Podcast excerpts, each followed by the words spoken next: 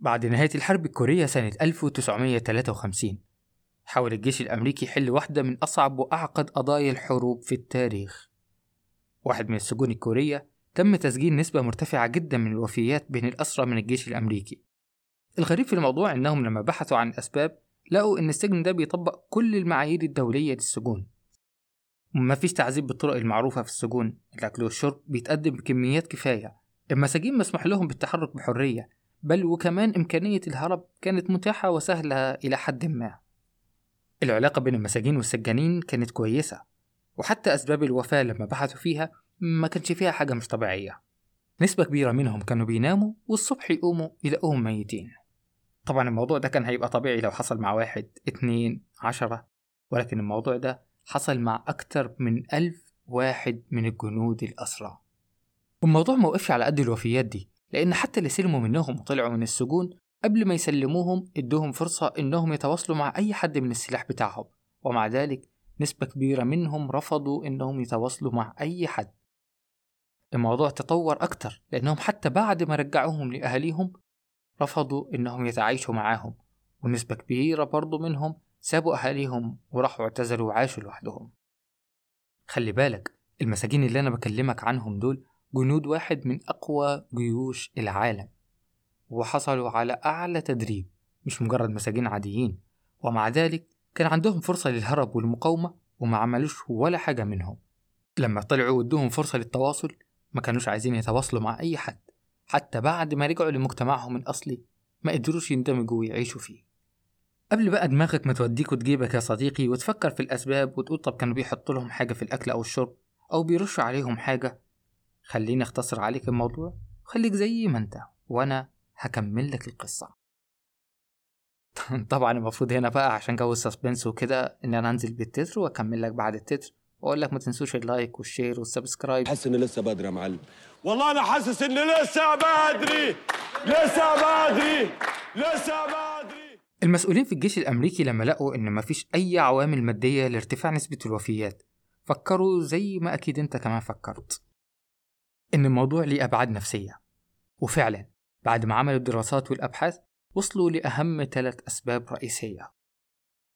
السبب الأول إنهم كانوا بيخلوا المساجين يقعدوا في تجمعات وكل واحد يقوم ويقول ويحكي عن أسوأ تجاربه قصص فشله السبب الثاني كان مسموح بالوشاية إن كل واحد يفتن عن صاحبه. بل بالعكس اللي كان بيوصل خبر أو معلومة كان بيتكافئ. وفي المقابل الشخص المفتون عليه ما كانش بيتعاقب. فبقى الموضوع إن أنا هوصل معلومة وآخد مكافأة وزميلي كده كده مش هيتضر. فانتشرت الوشاية بينهم. السبب الثالث وده الأهم إن المساجين طوال فترة تواجدهم في السجن كانت بتوصلهم الأخبار السيئة فقط سواء عن جيشهم أو عن بلدهم أو عن عائلتهم. والأخبار الكويسة والأخبار السارة كانت ممنوعة تماما إنها توصل لهم.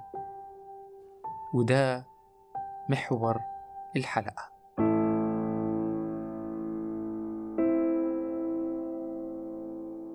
أهلا بكم. أنا عبد الله محمد وهذا البودكاست مليء بالعشوائية.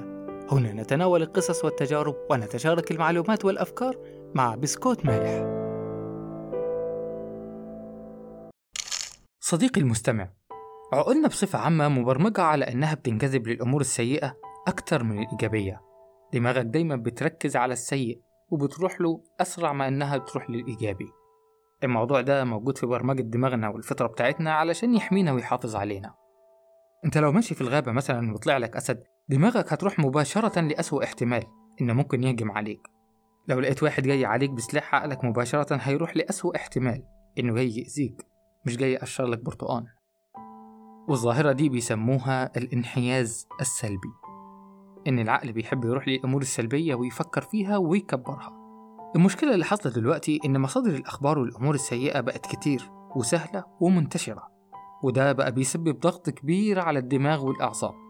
في سنة 2013 وفي نهاية أحد سباقات الماراثون في أمريكا حصل حادث إرهابي. تفجيرين حصلوا في نفس الوقت. بعدها بفترة بدأ العلماء يعملوا أبحاث وتجارب عشان يقيسوا مدى أبعاد الموضوع دوت النفسية. طبعا الموضوع كان صعب وليه آثار نفسية كبيرة بس اللي فاجئ العلماء إن الناس اللي تبعت أخبار الحادث الإرهابي عن طريق وسائل الإعلام تأثروا أكثر تسع مرات من الناس اللي كانوا موجودين في قلب الحدث. تخيل التأثير الضاعف تسع مرات عن اللي كان موجود في قلب الحدث وشاف الحادثة بعينيه. في دراسات بتقول إن العقل لو حصلت له حاجة سلبية بيحتاج ثلاث حاجات إيجابية علشان يقدر يتجاوز الحاجة السلبية دي.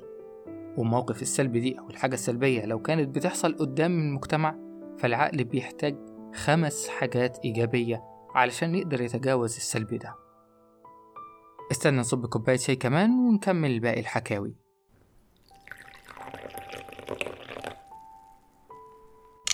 في سنة 2014 أحد المواقع الإخبارية الكبرى قرر إنه مش هينشر غير الأخبار الإيجابية فقط. والنتيجة إنه في يوم واحد خسر حوالي تلت القراء. متابعة الأخبار أكيد شيء إيجابي لكن الإفراط في متابعة الأخبار خاصة السلبية منها ليه آثار نفسية كبيرة. في جميع الأحداث العالمية سواء حروب أو أوبئة أو غيره اللي حصلت على مدار السنوات كانوا بيلاقوا إن الأشخاص اللي بيتابعوا الأخبار بشكل مستمر عرضة للإصابة بالأمراض النفسية والعصبية والاضطرابات أكتر من غيرهم. صحيح إن عقلك بيستمتع بالموضوع ده بس على المدى البعيد ده بيأثر جدا على الدماغ والأعصاب والقلب وبينعكس كمان على أحلامنا. تتخيل لو أنت طول اليوم عمال تدي عقلك في أفكار وأحداث سلبية أفكار وأحداث سلبية أفكار وأحداث سلبية. لما تيجي تنام المخ بيحاول يرتب الملفات. طيب ملفاتك كلها سلبية. هيعمل لك إيه؟ ده بيسبب ضغط كبير عليه وبيسبب إجهاد فوق ما تتخيل.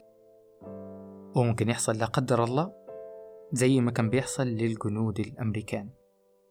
من كتر الضغط النفسي والعصبي بسبب الأخبار السيئة والمجتمع السيء والبيئة المليانة طاقة سلبية فقدوا الرغبة في إنهم يهربوا أو يخرجوا من السجن. الرغبة في الحرية اللي هي فطرة إنسانية. فقدوا الرغبة في الحياة. ما كانش ليها معنى بالنسبة لهم خالص. فقدوا الثقة في بعض. والثقة في وطنهم وأهاليهم بل نسبة كبيرة منهم كمان فقدوا حياتهم.